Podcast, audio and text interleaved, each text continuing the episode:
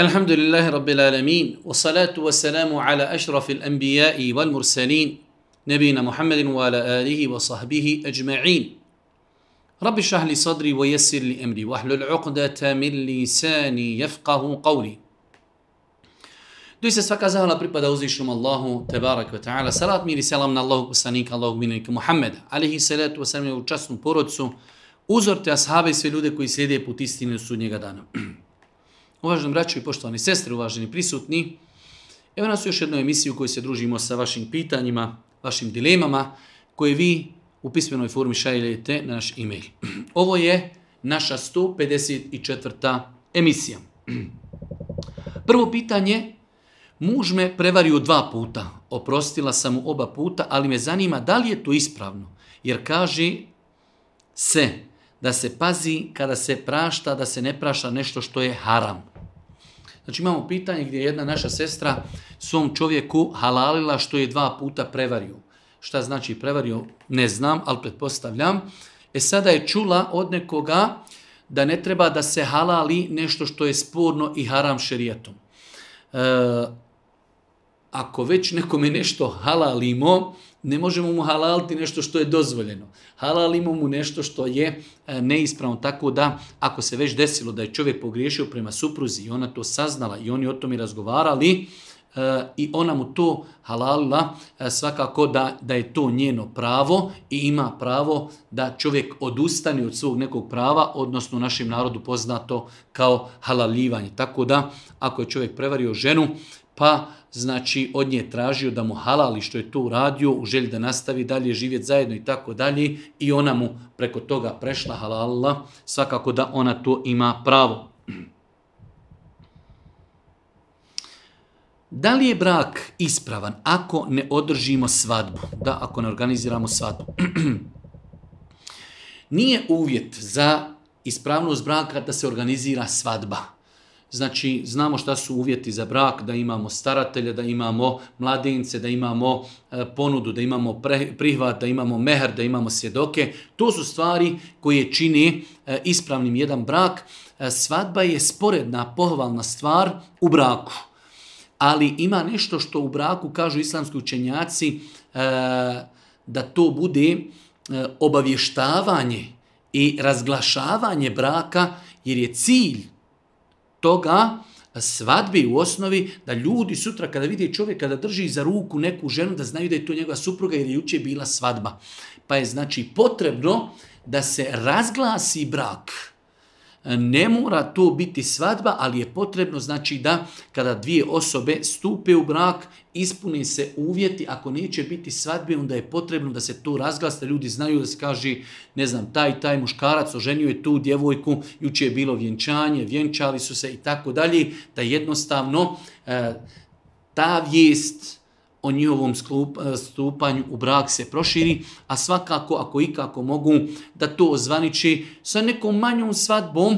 Boži poslanik kaže eh, Abdurrahmanu ibn Aufu, eulim biša, napravi velimu, napravi gozbu, napravi sadbu, pa makar sa jednom ovcom. Tako da čovjek može pozvati desetak, 15, dvadeset prijatelja, poznanika, prirediti neki ručak, znači nešto malo mesa, nešto kolača, nešto sokova, da ga nešto plaho ne košta, ali da se ozvaniči njihovo stupanje u brak.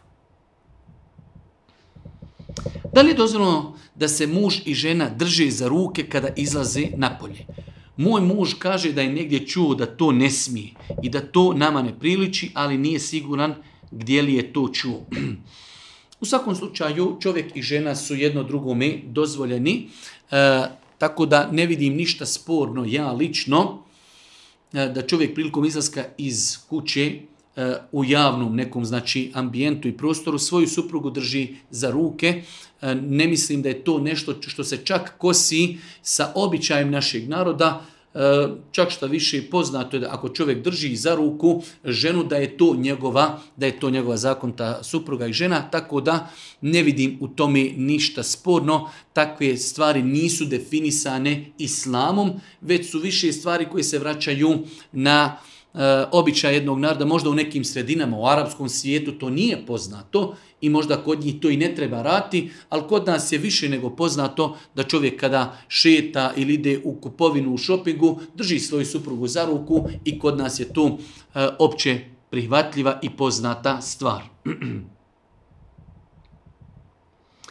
Da li je sunnet promijeniti mjesto kada klanjaš, da sunnet klanjaš na jednom, a farz na drugom mjestu?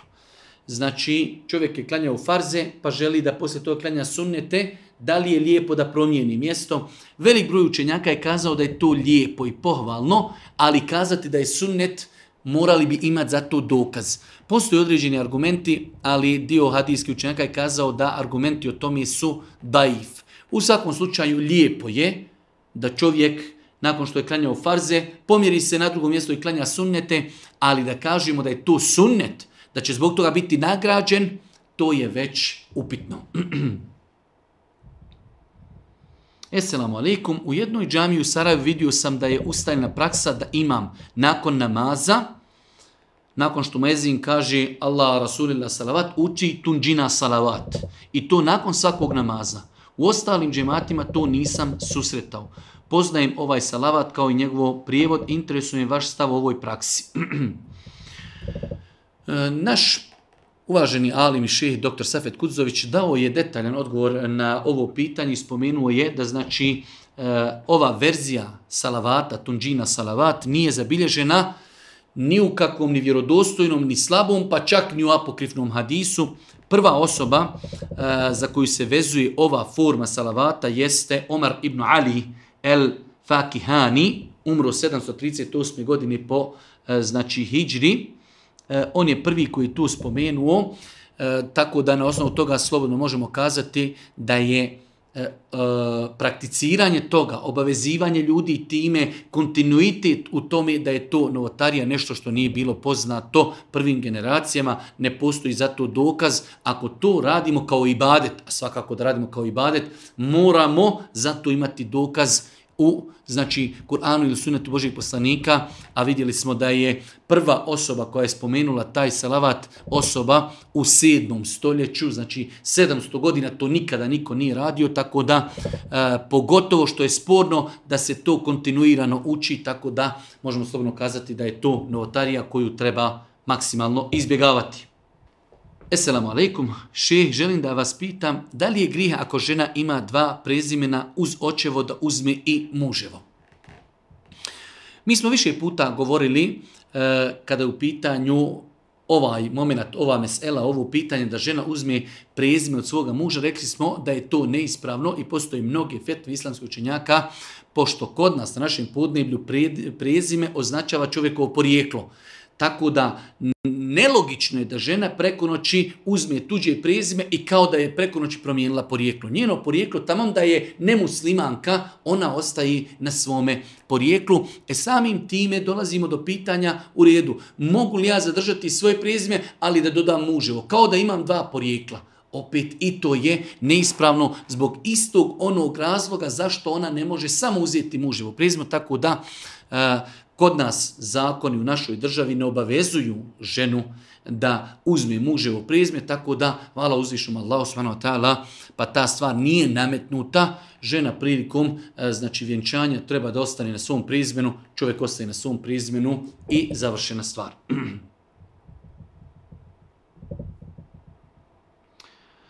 Da li žena u braku ima pravo da se razvede od muža? ako joj nije ispunio njene zahtjeve na koje ima pravo, na primjer, na svoju privatnost i svoj sprat, jer je pitanje o zajednici sa njegovim, sa njegovim roditeljima. Ako muž nije tio provoditi vrijeme sa porodcom, nije tio imati intimni odnos sa ženom mjesecima i tako dalje. Da li žena u ovakvim situacijama ima pravo na razvod? generalno, ako čovjek ustrajava u ovakvim stvarima, žena ima pravo da traži zbog ovakvih stvari razvod. Da li će tražiti ne, to je druga stvar. Ali žena u osnovi u islamu ima pravo da od čovjeka, čovjeka insistira da živi u zasebnoj stambenoj jedinici mimo njegovih roditelja, njegovog brata, njegove majke, njegovog oca. Ako čovjek to prihvati i ne ispuni, svakako da žena nakon toga ima pravo da traži razvod braka.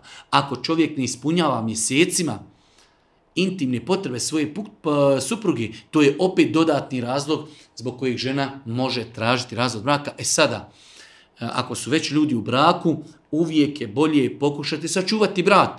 Ali ako čovjek se e, znači oglušuje, ne, ne želi da ispuni, ustrajava u svemu tome, onda žena ima pravo da traži razvod braka ili će saburati na svemu tomi. Zanima me da li mogu učiti jezan u kući, ako sam klanjam. I da li smijem učiti jezan bez namaza, povremeno, sa nijetom zaštite od džina i šitana, ako je potreba i tako dalje. E, osoba koja klanja sama u kući može proučiti ezan, čak dio učenjaka je to smatrao pohvalnim i lijepim na osnovu hadisa Božeg poslanika u kojima je govorio ashabima, e, koji žive izvan Medine, koji čuvaju ovce, da im je preporučio kada budu sami, znači u prirodi, kada čuvaju ovce, da prouče ezan, da podignu glas i nakon toga da klanjaju sve što čuje ezan, svjedočit će čovjeku na sudnjem danu. Tako da nema smetnje da čovjek, čak što više, ne da nema smetnje, pohvalno i lijepo da čovjek prilikom klanjanja, makar i sam klanjao, prouči ezan. E sada ostaje drugo pitanje, da li se ezan može učiti e, mimo nastupanja namanskog vremena?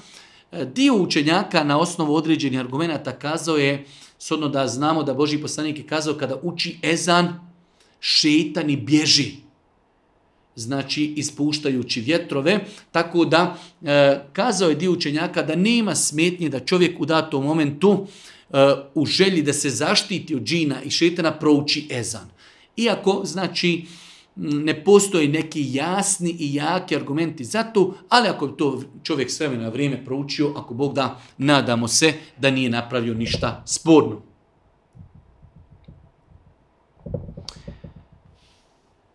Htjela sam vas pitati, da li ako nam u vremenu, kada počne namasko vrijeme, počne isticati krv iz nosa, da li možemo uzeti abdest i da li, je to, da li nam to kvari abdest? Znači, isticanje iz isticanje krvi iz nosa da li kvari abdest ili ne. Ispravno je da ne postoje vjerodostojni argumenti na osnovu koji bi kazali da isticanje krvi iz nosa kvari abdest. Sodno to mi čovjek koji je pod abdestom i e, počne mu teći krv, on će zaustaviti krv kako želi, ali nije izgubio abdest. Ili drugim riječima kazano čak, znači čovjek ako je počeo abdestiti, a počne mu teći krv iz nosa, on može završiti abdest, njegov abdest je validan, je sada kako će zaustaviti krv, kako će klanjati, to je drugo pitanje, ali isticanje krvi iz nosa ne kvari abdest.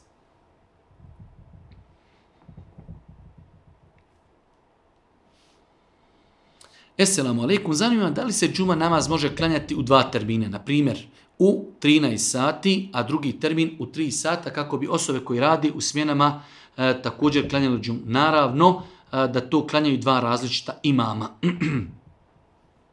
u svakom slučaju ovo je jedno specifično pitanje, novo nastalo pitanje. E, učenjaci umeta u prvim generacijama vodili su velike rasprave. Može li se u jednom gradu na više lokacija klanjati džuma?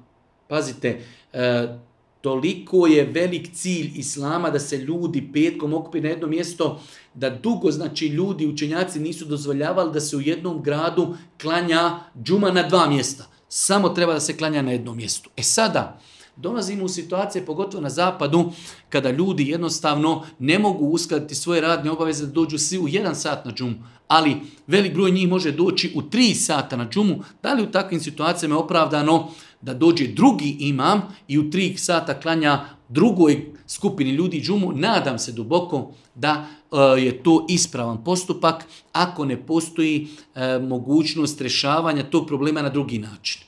Ako je to jedini način da ljudi klanjaju džumu, da jedni klanjaju u jedan a da drugi klanjaju u tri i da se klanja sa e, znači dva posebna imama, duboko se, ako Bog da, nadam, iščitavajući, analizirajući fete savremenih učenjaka, da je to, ako Bog da, ispravno.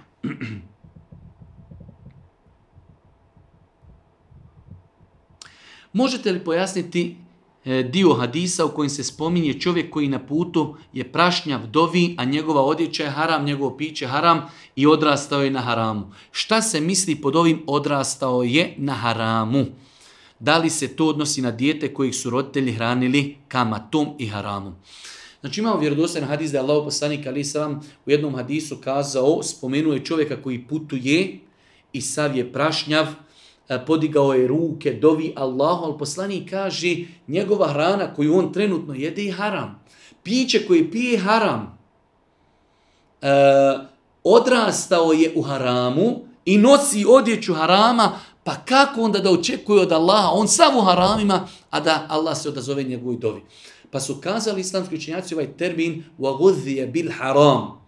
Odrastao je u haramu, kazali su baš tu da je znači taj insan, čitav njegov život je haram. On je od djetinstva jeo harame i sada trenutno jede harame i pije harame i nosi harame pa kako onda da može očekivati, on je čitav svoj život u haramu, nepokuran Allahu, a očekuje od Allaha da mu usliša dovu.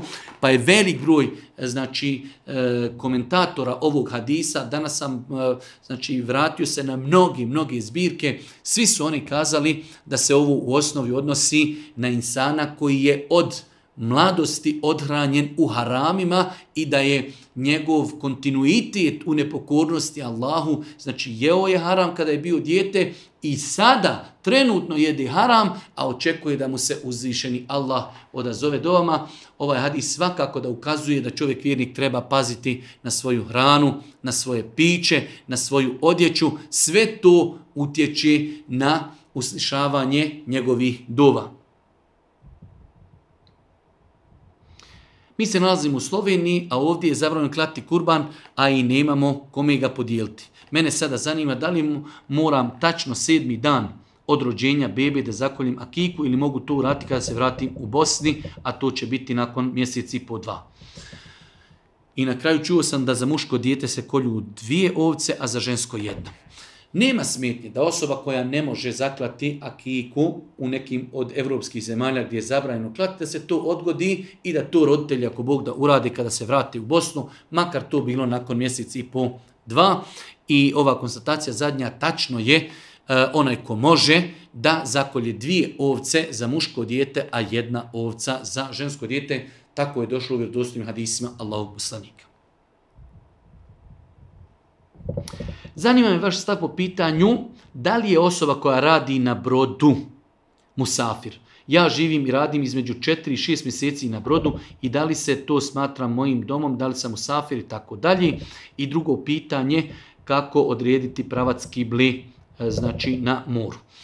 E, u ovakvim slučajima čovjek koji putuje preko okeana i to su duga putovanja koja traju mjesecima, definitivno da je takav čovjek musafir cijelo vrijeme ima pravo da koristi olakšice putovanja, da potirje tri dana po čarapama ili mestvama i da krati namaz, ako ima neke velike potrebe i da spaja namaze. E sada, znači, osnovni propis je da se on u tom periodu smatra musafir.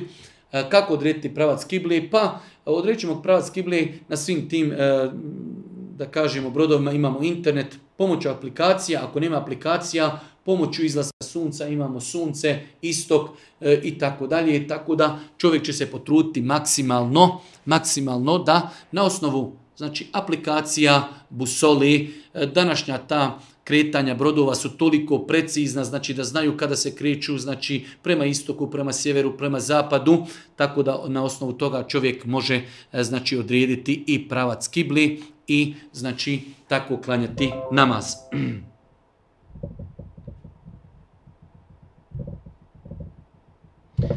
14. pitanje, da li usvojene djeca, da li usvojene djeca mogu postati djeca onih koji su ju svoji i da li se vodi na njihovom prezimenu. Kada je u pitanju usvajanje djeci u islamu, to je izuzetno plemenit cilj i plemenito djelo, ali isto tako dijete koje je usvojeno nakon dvije godine, ono je stranac u toj kući. Iako je to žensko dijete, ono treba sutra kada postane punoljetno da nosi hijab pred tim svojim e, znači čovjekom koji ga je usvojio i da se sa njim ne osamljuje, ne može se sa njim rukovati i tako dalje. Ako je u pitanju muško dijete, ne može se osamljivati sa tom ženom koja ga je usvojila, ne može se rukovati, ne može sa njom putovati sam i tako dalje. I to je taj jedan mali tehnički problem u pogledu usvajanja djeci. Osim ako je u pitanju dijete koje je usvojeno prije dvije godine, i žena ga uspjela zadojiti pet puta i više, tada je ono njihovo dijete po mlijeku. Tada je ono njihovo dijete po mlijeku i tada ona, žena ne mora spred njim biti pokrivena. Ako je u pitanju, znači, e, muško dijete, može se osamljivati sa ženom i tako dalje. E, ne može se to dijete voditi na njihovom prezimenu, pošto u našim, e, znači, podnebljima prezime označava, označava porijeklo djeteta. Tako da dijete koje je usvojeno neće uzimati prezime ljudi koji su ga usvojili, već će se pokušati e, saznati ko su njegovi roditelji i da se vodi znači, na njihovom prezimenu, a kada je u pitanju znači, ovaj moment, ako je dijete usvojeno nakon perioda od dvije godine, to dijete u toj kući s aspekta islama je stranac, ako je žensko dijete, onda mora nositi hijab pred muškarcima. E, znači, ako je u pitanju muško dijete, onda ta žena koja ga je usvojila mora pred njim nositi hijab. Ne može se sa njim osamljivati. Ako se ispostavi da je muž sterilan, da li to daje ženi za pravo da traži razvod braka? Osnova je da ljudi stupaju u brak kako bi imali potomstvo. I to je jedan od e, velikih ciljeva braka, tako da ako se ispostavi da muž ne može imati e, znači potomstvo, to je definitivno jedna da je nazovemo velika mahana koja daje za pravo ženi da traži razvod. Sada žena može prihvatiti takvu osobu i živjeti sa njom, to je njeno pravo. Ali isto tako čovjek treba da zna da žena koja stupa u brak, jedan od razloga stupanja u brak jeste i potomstvo.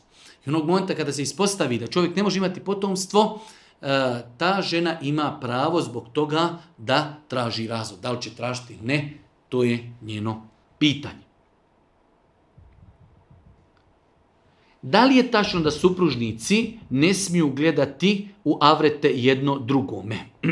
da li je tačno? Nije tačno. Znači, muškarac e, u braku nema avrete pred svojom ženom, niti žena ima avret pred muškarcem. Tako da e, oboje imaju pravo da gledaju u potpuno e, kompletno tijelo svoga supružnika. Žena smije da gleda u cijelu kompletno tijelo svoga muža. Muž ima pravo da gleda u kompletno tijelo svoje supruge. Postoje određeni argumenti E, u kojima stoje da supruge Božih poslanika nisu nikada vidjele njegove avrete ili da je to zabrajno, svi ti argumenti nisu vjerodostojni, tako da ne postoji vjerodostojan argument na osnovu koji bi e, ograničili određenu stvar u braku, znači supružnici Pravilo je nemaju avrete jedno pred drugim, smiju znači e, biti totalno bez odjeće jedno pred drugim i smiju gledati jedno u drugu. Da li žena muslimanka udajom za nemuslimana, nevjernika, izlazi iz vjeri? E, udaja za nevjernika ili nemuslimana nije dozvoljena. Ženi muslimanki ne postoji opcija kada je dozvoljeno. Udaja za nemuslimana je haram i intimni kontakt sa takvim insanom je nemoral i blud. Ali, u sve to što je to grijeh, što je nemoral, da li time ona izlazi iz vjeri? Ne izlazi. Znači, ako uh, prihvata da je to grijeh i ne daj Bože ne negira propis, ona je velika griješnica zato što je prekršila pravilo islama da je se udala i što ima intimni kontakt. Ali opet u svemu tome ona ako vjernica, ako vjeruje Allaha, ako kaže ja vjerujem u poslanika, vjerujem u Kur'an, ona tim svojim postupkom čini veliki, ogromni grijeh, ali i dalje je u osnovi muslimanka. Da li je tačno da pokrivanje lica žena u islamu je bolje i prioritetnije od samog nošenja hijjaba? Apsolutno da. Znači, postoji razilaženje kod učenjaka da li je ženi obaveza nositi nikab ili ne ali apsolutno eh, i sa razumne strani žena koja pokrije lice, ona se je više zaštitila od pogleda nego žena koja nosi mahramu, samim time pokrivanje lica je na većem stepenu i na većoj deređi od nošenja samo mahrami. Bez ulaženja u detalje je li ženi obaveza nositi nikab ili ne, ali da li je bolji, da li žena treba da stremi ka tome da pokrije lice, apsolutno da. Supruge Božih poslanika su nosile nikabe, pogotovo u vremenu smutnje, grijeha, nemorala, pa čak i u našem hanefijskom mezhebu, znači i pohvalno, a i naređeno da žene u vremenu smutnje i izazova pokrivaju svoja lica, tako da svaka vjernica trebala bi da mašta o momentu, vremenu, situaciji kada će ona doći u situaciju kada će i ona ispuniti taj vjerski propis.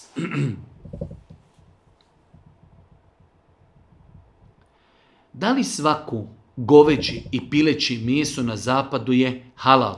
Da li su znači zapadnjaci, evropljani, eh, potpadaju pod termin ehlul kitab?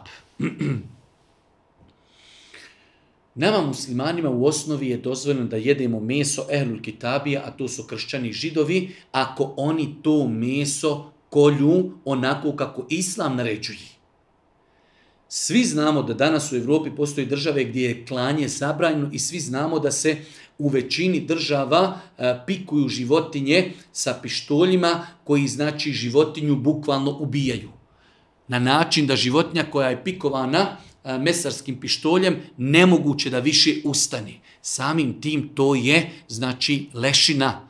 I zato, znači, meso u Evropi, u Americi, e, insan treba da kupuje ono meso koje ima na sebi certifikat zna porijeklo da je to meso halal i dopušteno, a kupovati svako meso samo pod izgovorom zato što je to piletina i zato što je to e, junetina ili e, govedi meso, znači goveđe meso, pileće meso, ako nije zaklano na halal širijski način, ono je na levelu i na razini sa svinjetinom. Nažalost, velik broj ljudi to ne zna. Da li je dopušteno piti vodu stojeći? E, pijenje vode stojeći možemo gledati u prizmi da postoje hadisi Božih poslanika u kojima je zabranjivao pijenje stojeći. Ali s druge strane imamo hadise u kojima je Boži poslanik praktično pio vodu stojeći. E, Ali radijallahu ta'ala je tvrdio u više e, vjerodostojnih hadisa da je on pio Alija vodu stojeći, pa kada su ga pitali, kaže vidio sam poslanika da pije vodu stojeći, pa i ja pijem stojeći. Tako da E, islamski učinjaci su pomirili ove hadise na način da su kazali ljepše je i bolje vodu piti sjedeći, čučeći, ali isto tako ako čovjek pije vodu stojeći nije napravio nikakav prekršaj jer je i poslanik ali i selam u nekim situacijama pio zemzem ili neku drugu vodu stojeći, ali je prioritetnije i bolje ako čovjek može da vodu pije sjedeći ili čučeći.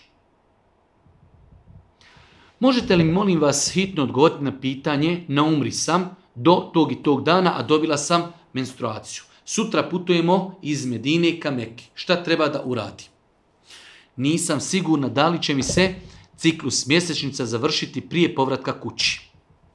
Ovo je jedna čista situacija koja se dešava ženama koji idu na umru, da u toku boravka u Medini dobiju mjesečnicu prije nego što su obavile umru. Ako bi žena ošla na umru u, u Meku i obavila umru i dobila mjesečnicu, to je riješen problem. Problem je žena koja dobije mjesečnicu, a treba da sutra ide primjer radi u Meku. Šta će uraditi?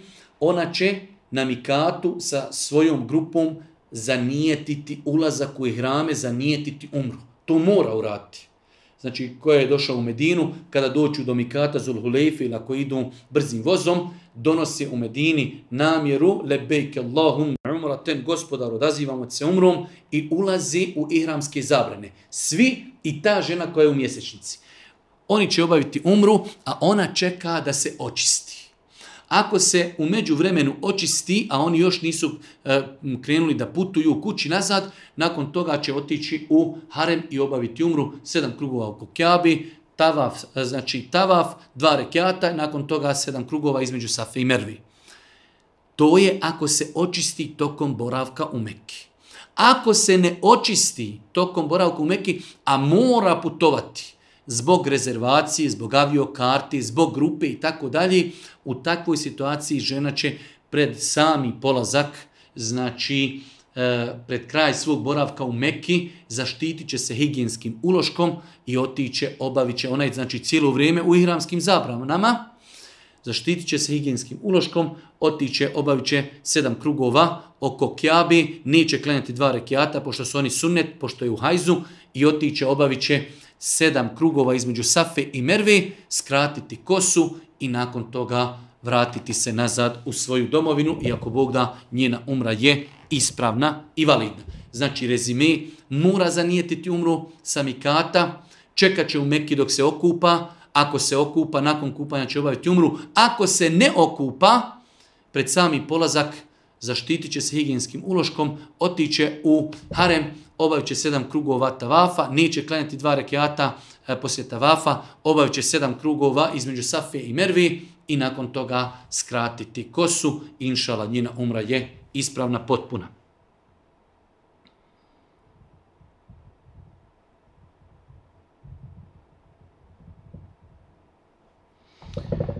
Ukratko, pitanje se odnosi na hađ za umrlog, koji nije obavio hađ za života. Da li je bolje uplatiti novac za njega ili taj novac dati u neku dobrotvornu svrhu, trajnu sadaku za njega?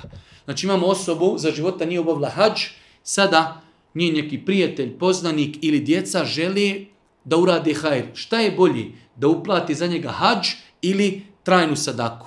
Ako insan nije obavio hađ, svakako da je prioritetnije i bolje da se E, za njega uplati hađ.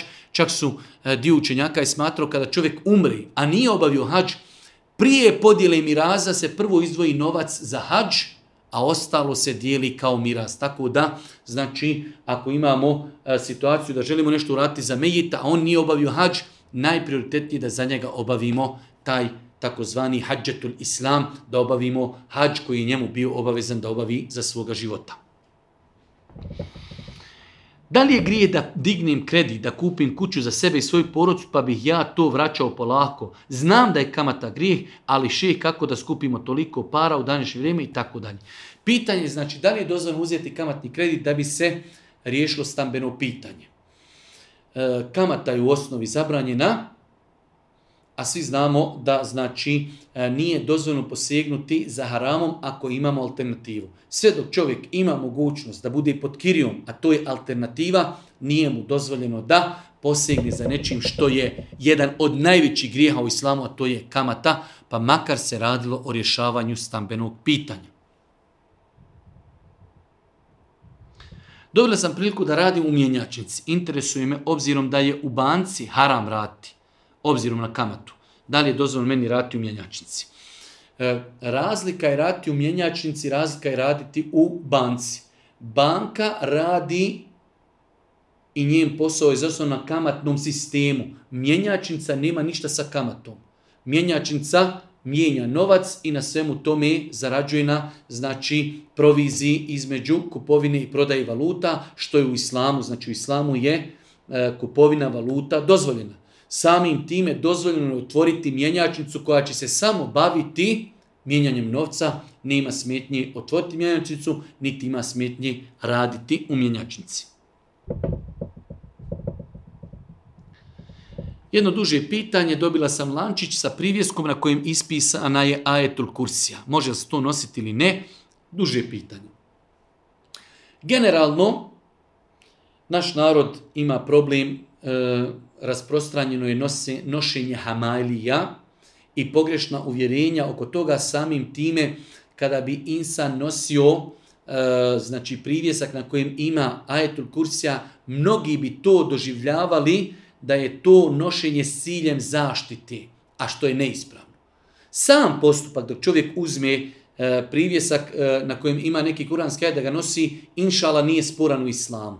Ali uzimajući okolnosti podneblja u kojem živimo gdje to ljudi smatraju da je hamajlija.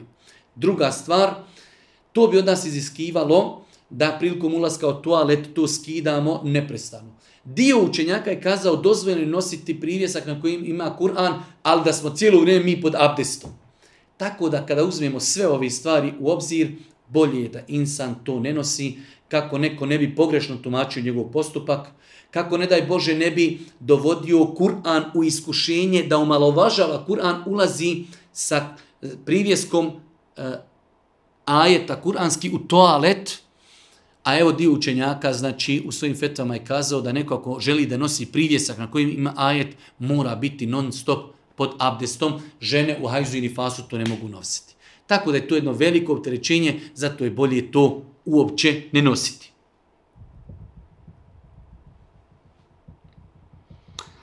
Mojoj supruzi je ostalo osam dana da posti od mjeseca Ramazana. Da li ima smetnja ako i ja postim zajedno sa svojom suprugom u tim danima? Nema nikakve smetnje da čovjek zajedno posti sa svojom suprugom, ona posti 8 dana, da bi njoj bilo lakši zajedno sehure, zajedno iftari i on želi da posti. on posti za sebe, ona ako ima osam dana treba da posti osam dana, a on će postiti opću na filu, ali eto da bi im bilo lakši, da li ima išta sporno u tome, nema ništa sporno, da čovjek zajedno posti 8 dana uz svoju suprugu, kako bi lakši ustao na sehur, zajedno iftarili. Smijem li dobiti za svoga oca koji preselio, on se držao u vjeri, ali nije klanjao. U svakom slučaju ostavljanje namaza jedan od najvećih grijeha u islamu, ali ako je čovjek tvrdio za sebe da je musliman, izgovarao šehadet, klanjao, klao kurbane, davao sadaku, obilazio rodbinu, jednostavno radio i mnoga dijela islama, ali to nije klanjao, mi se nadamo da je takva osoba musliman i ako Bog da, da nema smetnje da se za njega dova upućuje nakon njegove smrti. smo pitanje. Jedno malo duže pitanje u kojem e, jedna sestra kaže želi da se uda, e, zna da šerijetski nije ispravno uzimati prezime svoga muža, njen muž je negoni da uzme njegovo prezime, ali kaže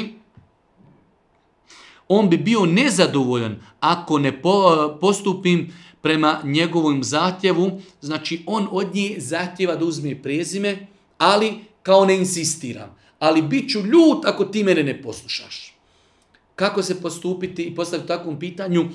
Generalno moje pravilo je da e, mladenci kada stupaju u brak trebaju da donesu odmah na startu jednu e, pravilo, a to je da probleme koje budu imali rješavaći u prizmi e, znači islama i propisa islama. Ovo je pitanje jasno definisano u islamu, ženi nije dozvoljeno da uzima muževo prizme. Nema se više šta muž ljutiti ako ona ne uzme njegovo prezime. I ovdje čak stoji i kaže, jer znam šta znači kada muž nije zadovoljan sa suprugom. Ovdje se radi o nepokorno, radi se da muž traži od ženi nešto što je zabranjeno. Ne može žena u tome gledati zadovoljstvo muža zadovoljstvo muža se gleda u onome što je halal i dopušten. Tako da treba na lijep i blag način kaži Allah te nagradio, ja te volim, poštujem, ali ne mogu ti ovo ispoštovati zato što je to islam definisu, zabranjeno. Tražiš od mene nešto što je zabranjeno.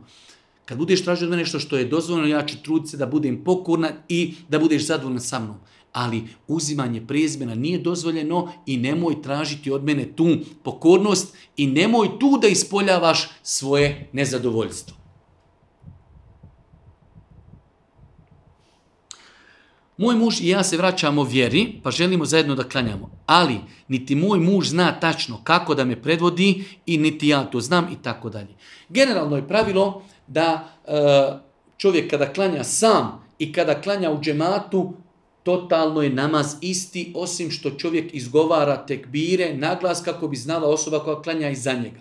Saba se uči na glas, Akšan se uči na glas, Jacija se uči na glas, a podnik Indija u sebi. Tako da, znači, kao što čovjek klanja sam namaz, isto tako klanja namaz i ako klanja njegova supruga iza njega, s tim što će donositi tekbire na glas, semi Allahu limen hamide na glas, da njegova supruga zna pratiti njegove pokrete. U protivnom, potpuno namaz, klanjali mi sami ili klanjali u džematu je identično. Esselamu alaikum, zanima me da li je ispravno u sebi moliti Allaha da nam oprosti grijeh iz prošlosti. Definitivno je dozvoljno moliti da nam oprosti grijeh iz prošlosti, ali ne u sebi. E, znači, e, islamski činac su kazali i za učenje Kur'ana, ali i za dovu, da bi se smatralo učenje Kur'ana učenjem i da bi se dova smatrala dovom, treba da bude izgovorena jezikom. A ne da mi samo u mislima razmišljamo i kao mi u mislima molimo Allah da nam oprosti ili mi u mislima klanjamo, to je neispravno i niti se to smatra namazom, niti se to smatra dovom. Znači insan ima pravo da moli ja rab oprosti mi grije, oprosti mi grije iz prošlosti, ali to mora kazati riječima. Jedno malo duže pitanje, radi se o jednom našem bratu, e, pitanje vezano za namaz na poslu. Naime, pročitao sam da je bezrazložno odgađanje namaza osobina licemira, pa ne me zanima. Na primjer, ja sam na poslu i klanjam kad stignem u toku radnog vremena, ali ne klanjam odmah u prvom namaskom vremenu i tako dalje. Znači, svako namasko vrijeme ima početak i kraj. Pa primjer radi podne namaz počinje u jedan, a završava u pet. Bilo kada da čovjek stigne klanjati, njegov namaz je validan. Tako da nije problem da insan, pogotovo u vanrednim situacijama kao što je posao, obaveze i tako dalje, da namaz ne klanja u namaskom vremenu prvom. Ali je greška i grijeh odgoditi namaz iz namaskog vremena. Ali ako mi klanjamo namaz u njegovom namaskom vremenu, to je ispravno, to je dobro i ne treba se ništa sikirati. Posljednje pitanje, imam poslovni prostor, da li je haram izdati ga banci ili nekoj mikrokreditnoj ustanovi? Čovjek koji ima lokale za izdavanje treba da svoje lokale izdaje onome, onim ljudima koji će njih koristiti na halal dopušten način. Banka i bankovni sistem je kamata, haram, mikrokreditne organizacije, ne znam da postoji na našem podimlju mikrokreditna organizacija koja postoji na halal dopušten način, sve to kamata, tako da znači čovjek rentajući svoj lokal njima sigurno je saučesnik u grijehu, zato ne treba čovjek da svoje lokale renta niti za banku, niti za kladionice, niti za mikrokreditne, niti za uh, u kojima će biti alkohola. Sve te stvari su harami, a samim time rentanje lokala je učestvovanje i pomaganje harama. Ovo je naše posljednje pitanje u ovoj emisiji. Allah rašanu molimo da nas učiti na putu istina, podari korisno znanje. Na kraju subhaneke, Allahumma bihamdike, ešhedu en la ilaha ve tubu ilik.